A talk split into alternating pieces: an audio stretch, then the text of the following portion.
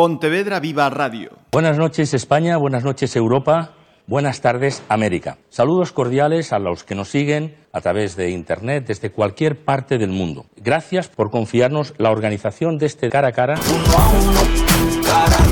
Hola, ¿qué tal amigos? Bienvenidos como siempre a una nueva emisión de su programa Cara a Cara. Saludos. Vamos a entrar en este cara a cara a hablar de una entidad eh, que mmm, estábamos comentando hace unos instantes. Si no la más, seguro, no hay duda alguna, que es de las eh, más veteranas de esta capital, de la Sociedad Filarmónica de Pontevedra. Nos acompaña su presidente, Gonzalo Martínez Lourido. Bienvenido. Muchas gracias, bien hallado. Eh, 97 años que va a cumplir ya este mes de febrero, años, ¿no? Sí, sí. Y no nos atrevemos a decir que es la más, pero desde luego entre las más, como decía, más longevas de, sí, yo, de la ciudad. sociedades sí que es. culturales que yo sepa, eh, yo creo que debemos de ser la más antigua. Uh -huh. eh, no sé si habrá alguna otra sociedad que tenga más de 100 años. Yo tampoco me atrevo a decir si hay alguna o no. Pero vamos, en principio yo creo que debe ser de las más antiguas. Uh -huh. Una entidad que surgía 1921 para fomentar el arte de la música mediante la celebración de conciertos instrumentales y vocales. Y así se mantiene a día de hoy. Sí, eso es un poco el, el, el, cuando nació la, la idea de sus fundadores. Luego, a medida que pasaron los años, las cosas fueron evolucionando y ya se amplió un poquito más el, el espectro de acción. Sí, de los conciertos y eso, ¿no? Uh -huh. eh, ¿Quiénes fueron aquellos artífices? Vamos a hacer un poco de justicia histórica. Sí, vamos y a ver. Si te parece, eh, comentamos quiénes estaban en esos la, orígenes de la filarmónica. El, el, origen de la sociedad filarmónica, como también el origen, por ejemplo, de una sociedad hermana, que es la Coral Polifónica de Pontevedra, yo, eh, parece ser que tuvo, que tuvo su origen en el Club Carepas.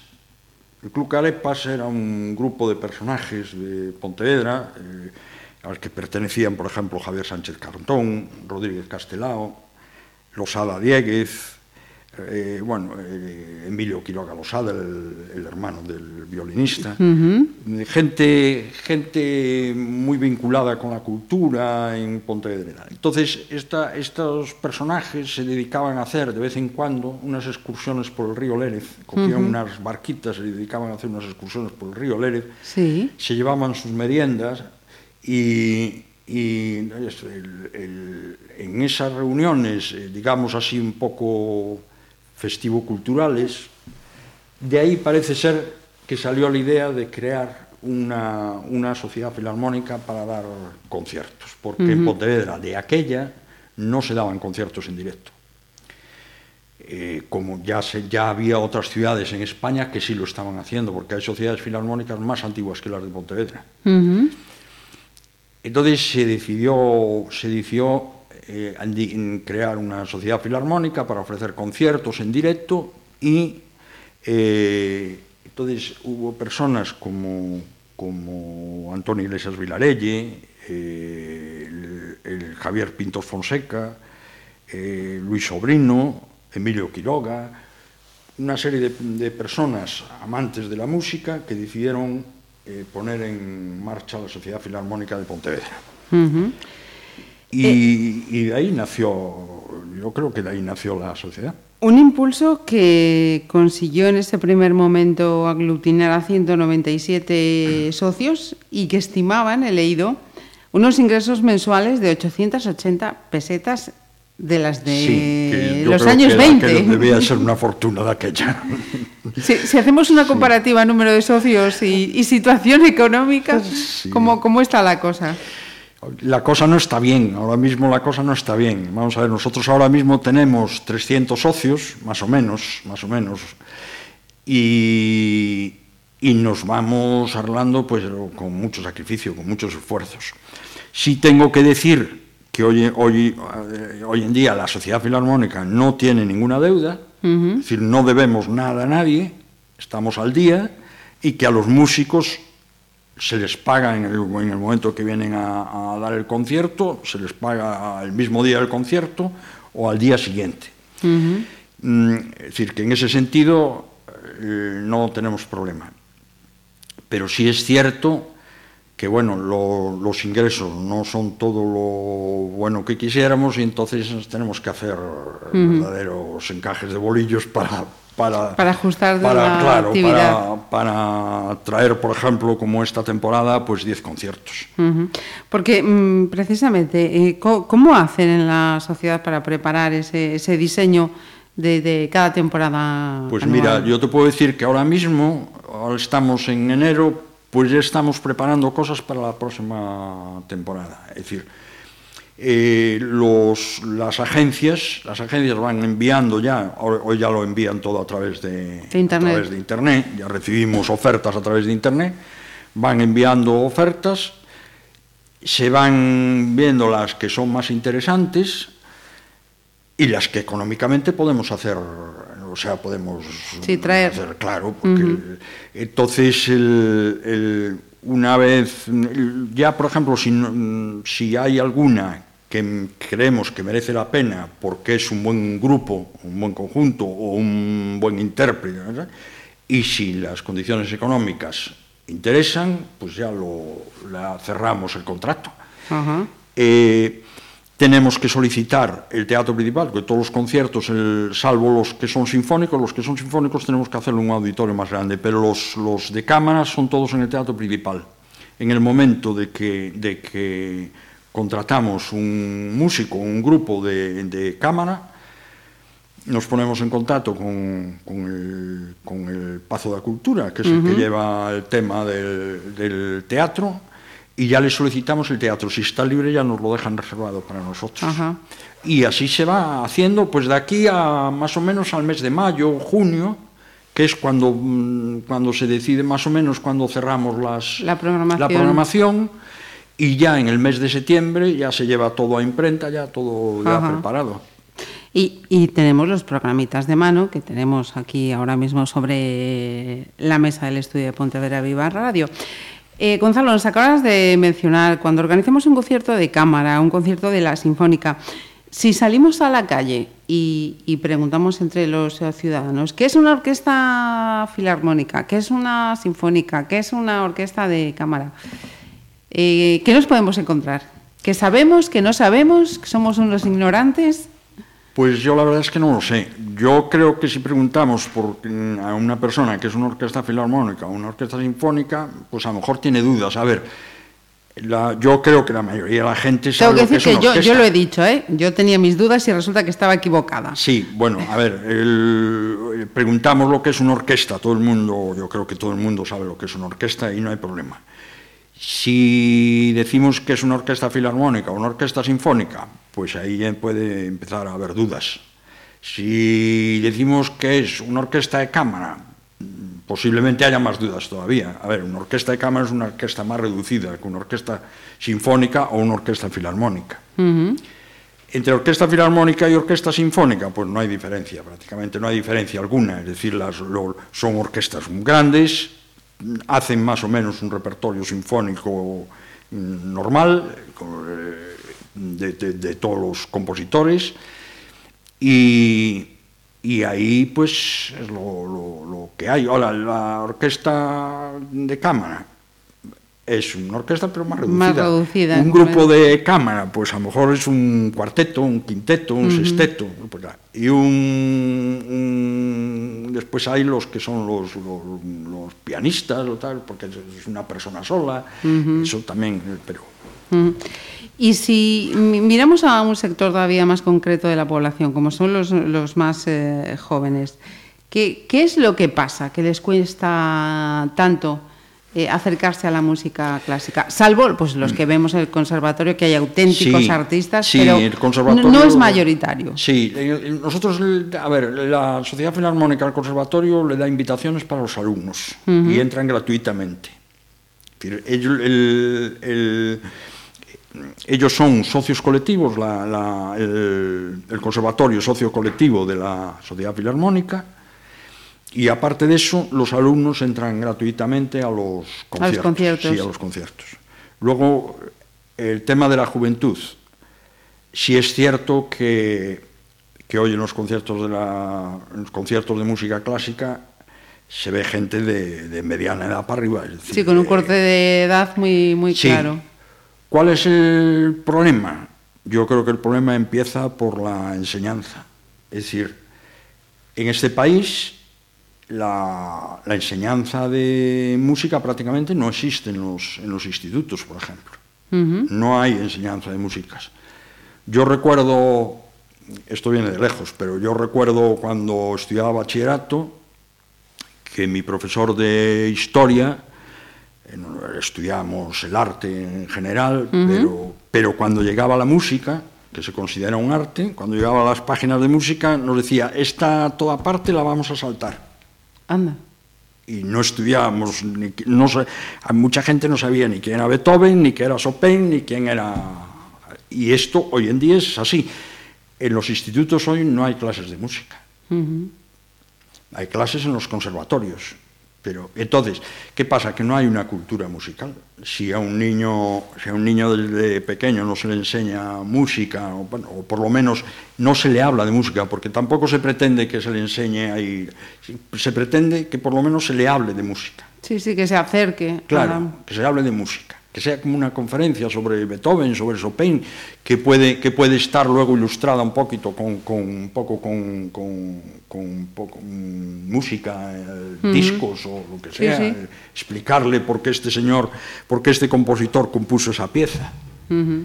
Todas estas cosas pues yo creo que no debería ser muy difícil, pero bueno, en este país parece E que no hay mucho interés, no hay mucho interés en lo de la música clásica. No. Es lo mismo que está pasando con la filosofía. Eh, estaba pensando lo Que se mismo. la le están digo, cargando. Si traemos aquí ahora un profesor de filosofía, nos dice, nos dice lo mismo. Claro, efectivamente. claro, sí. ¿Y, y cómo, cómo puede, yo no sé si desde la sociedad eh, se han planteado esa, esa tesitura, cómo acercar a, la- a los jóvenes en la Yo- medida de sus posibilidades? Claro, yo no sé cómo podemos acercar a los jóvenes porque, es más, nosotros, el- la sociedad tiene un- un- una cuota especial para gente joven. Hasta Ajá. los 21 años solo pagan 6 euros al mes. Pero, y, pero tenemos poca gente joven. Yo no sé si tenemos 10 o 12 socios de, de menos de 21 años.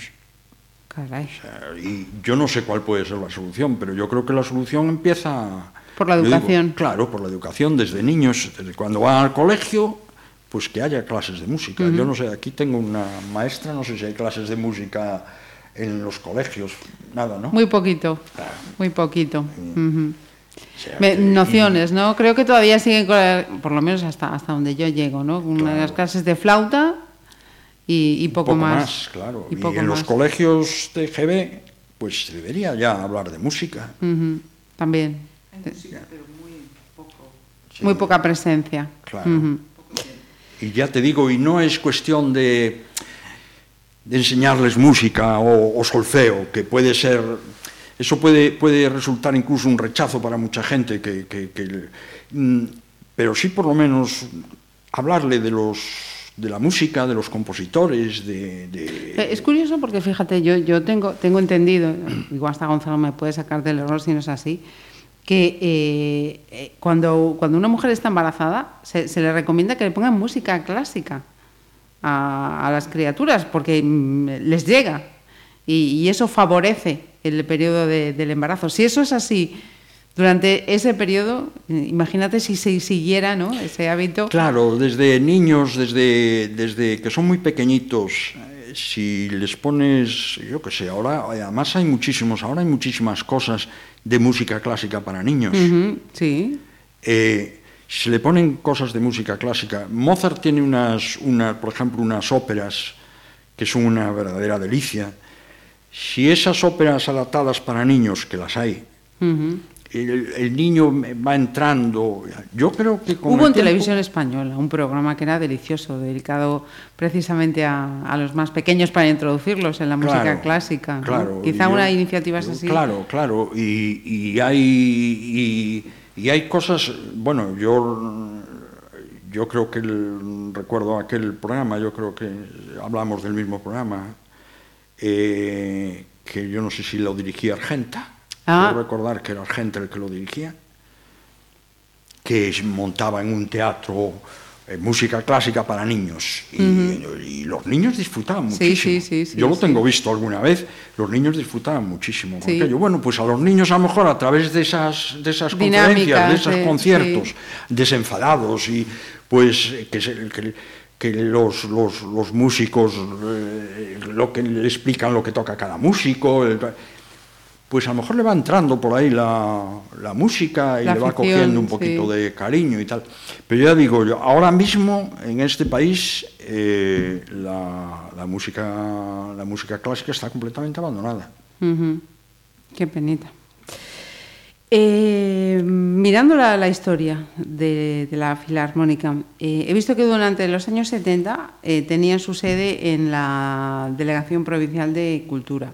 Sí. Eh, allí eh, habían puesto a su disposición la, la fonoteca Sí. de la delegación y, y me entró la duda, ¿e- ¿existe esa fonoteca todavía y qué fondos guarda? Mm, No lo sé, yo no, no tengo constancia. Supongo que en algún sitio estará esa fonoteca. Ahora, yo no sé porque yo tampoco de aquella no estaba, no, yo no era directivo entonces de la sociedad e non se, non se y ese edificio como quedó cerrado, uh -huh. no sé si sigue allí la instalación de la fonoteca, si no sigue, si, si se, se llevó para otro a... sitio, uh -huh. no sé. Yo sé que la Filarmónica utilizó alguna vez la fonoteca, mmm, utilizó todo, todo el archivo discográfico que tiene la Filarmónica, que es un, un archivo Amplísimo. importante, grande, que se utilizó, y todo ese, todo ese archivo discográfico ahora está en la sede de la, de la sociedad, en la sede actual de la sociedad. En la sede que está en los bajos del teatro. Sí, en los bajos del teatro principal, sí. Mm. sí. ¿Son suficientes para las necesidades de la sociedad? Nos llega, o- nos llega. Digo, Pero- el- el- la sede que tienen ahora, Sí, o habría que buscar. Sí, un- no, nos arreglamos bien porque lo que tenemos allí es el- todo, todo la cosa de los ordenadores y eso para los archivos, para, para la, la- de los, donde tenemos lo de los socios y todas esas cosas, que se ocupa hoy en día, afortunadamente, ocupa muy poco. Y eh, nos cabe una mesa de juntas y tenemos el piano de cola, el, el original, el primero que tuvo la Sociedad Filarmónica, que es del año 1921, que es todo un tesoro, una ahí, joya. ahí una quería joya. ir yo. Eh, eh, ¿Es un buen lugar para una joya así? ¿O habría que reclamar lo tenemos, no, nosotros lo tenemos muy bien cuidado allí, muy bien cuidado. Eh, a ver, el piano, claro, es de 1921, los pianos envejecen. Llega un momento que ya un piano de ciertos años ya no da más de sí. Entonces, en el año, creo recordar, eh, estoy hablando así un poco de memoria, pero creo recordar que fue en el año set- eh, 70, y 70 me parece que fue, en, los- en el año 70 me parece que fue, o 71, no recuerdo, se compró un nuevo piano. Ese Ajá. piano ardió, cuando ardió la, el teatro? el teatro, el- ardió todo. Y, y digo ardió todo porque ardió todo lo que era de la filarmónica, el archivo, los archivos y todo eso, ardieron muchísimas cosas. Y ese piano está allí, lo que pasa es que está claro, está desafinado, y eso porque hace muchos años que no se utiliza. Pero hay músicos, hay músicos que van y lo ven y quedan les emociona mucho ver aquel piano donde allí tocó allí tocaron pianistas legendarios en ese piano. Debería, debería mm, exhibirse una pieza así, pienso. Pues sí, que los lo tuvimos, pudiéramos- a ver, la Sociedad Filarmónica lo, lo tuvo muchos años eh, cedido al conservatorio Ajá. y el conservatorio se utilizaba. Pasa que ahora el conservatorio ya tiene pianos ya buenos, ya tiene piano, entonces eh, lo, lo volvemos a tener nosotros y está allí como pieza de museo. Eh, me- mencionabas, Gonzalo, eh, ese incendio del teatro principal y, y cómo afectó a la sociedad eh, filarmónica. Toda esa documentación, imagino, que, que- que supone una pérdida pues, irrecuperable ya, ¿no? Claro, es que la Sociedad Filarmónica tenía los archivos y todas las cosas, las tenía en, en- en el teatro principal, en el viejo, en, la- en el teatro principal viejo. Tenía una- unos archivos allí, en unas habitaciones allí detrás, de, detrás del escenario. Cuando ardió el teatro principal, ardió todo, claro. Ardió el piano, ardió los archivos, ardió, ardieron fotografías, todo.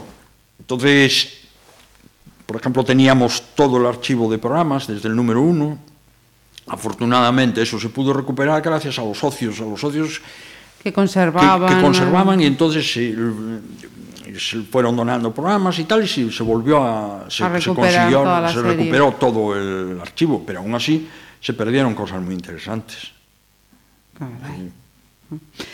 Y mm, hablando de, de, las épocas más, más cercanas, más recientes de, de la Filarmónica, eh, precisamente esta entidad era mencionada por uno de los invitados que, que, pasó también por este programa y que a día de hoy es uno de los presidentes de, de honra, que es José Luis Fernández sí, Sieira. José Luis Fernández Sieira es, es una figura clave en la, en la sociedad filarmónica. Eh, José Luis Fernández Sieira fue un poco el que modernizó la sociedad, es decir, eh, cuando José Luis entró de presidente, la sociedad pues aún llevaba todo el registro a mano, ya todo se hacía a mano. Cuando él entró, la sociedad se informatizó. Es decir, que. Y, es, y, de esto te hablo de hace muchos años. Uh -huh. Es decir, que pocas sociedades de aquella podían permitirse el lujo de tener un ordenador y un. Sin embargo, él tiró para adelante, se informatizó todo, el archivo de socios, el archivo de programas, todo. Y modernizó mucho la sociedad. Y luego su labor en la sociedad filarmónica fue extraordinaria. Uh -huh. Fue un, buen, un gran presidente. Un gran presidente. Además, le quiero mandar aquí un abrazo porque sepa, sé que está pasando unos momentos un poco difíciles, por, que está pasando por unos momentos de, saliza, de salud un poco complicadas. Y yo le quiero mandar desde aquí, si me está oyendo, un abrazo muy fuerte. Pues nos, nos sumamos a esos deseos de, sí. de pronta recuperación. Sí, desde ojalá luego. pronto se recupere. Uh -huh. Yo estoy seguro que se va a recuperar y lo vamos a ver muchas veces aún por la Filarmónica. Disfruta mucho además de esos conciertos. conciertos. Sí, disfruta mucho y aún se emociona mucho con la música. Uh -huh. eh, y Gonzalo, nos decías al comienzo de esta charla que hay sociedades filarmónicas más antiguas que las de Pontevedra. Sí. Hay muchas sociedades filarmónicas. Quedan pocas, en... quedan pocas sociedades filarmónicas, porque las, las, sociedades filarmónicas poco a poco fueron desapareciendo, era muy difícil sobrevivir.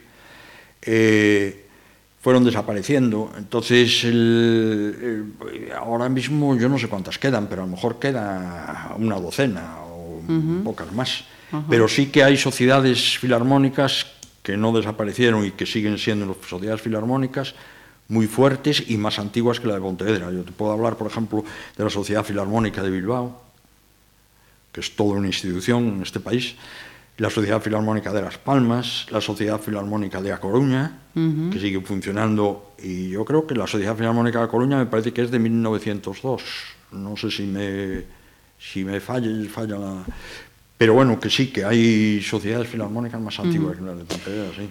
Eh, oja, ojalá que hayamos eh, conseguido eh, despertar la curiosidad y, y, el interés durante esta charla. Si es así, aquellas personas que, que puedan interesarles pues a acercarse, conocer la sociedad o, o unirse, ¿qué, ¿qué, tienen que hacer?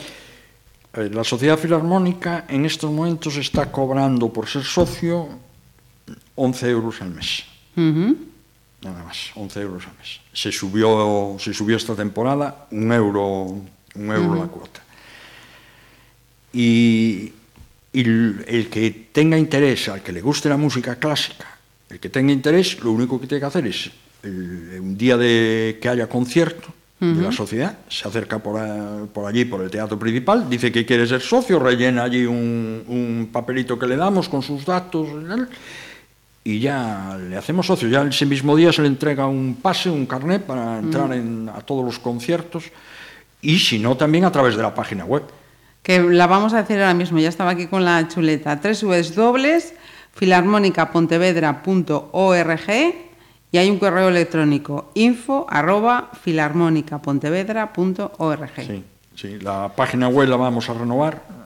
Está, la próxima temporada tendremos ya una página web nueva, porque la que tenemos ya ya tiene bastantes años, ya se uh -huh. quedó un poquito obsoleta, entonces hay que hacer unas reformas ahí. Uh -huh. pues vamos, en las nuevas ahora, tecnologías. Ahora, ahora que pasó la crisis, bueno, que pasó, que parece ser que está pasando sí. la crisis, a ver si, si, podemos, uh -huh. podemos ir haciendo cositas, sí.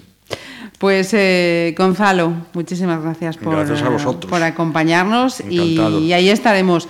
Ya os, os avanzamos. Eh, podréis leerlo en Pontevedra Viva, pero en cualquier caso, el próximo concierto, si la memoria no me fallaba y no recuerdo mal, era ya en febrero, ¿no? 27 sí, el 27 de febrero, el The Brahms, Project.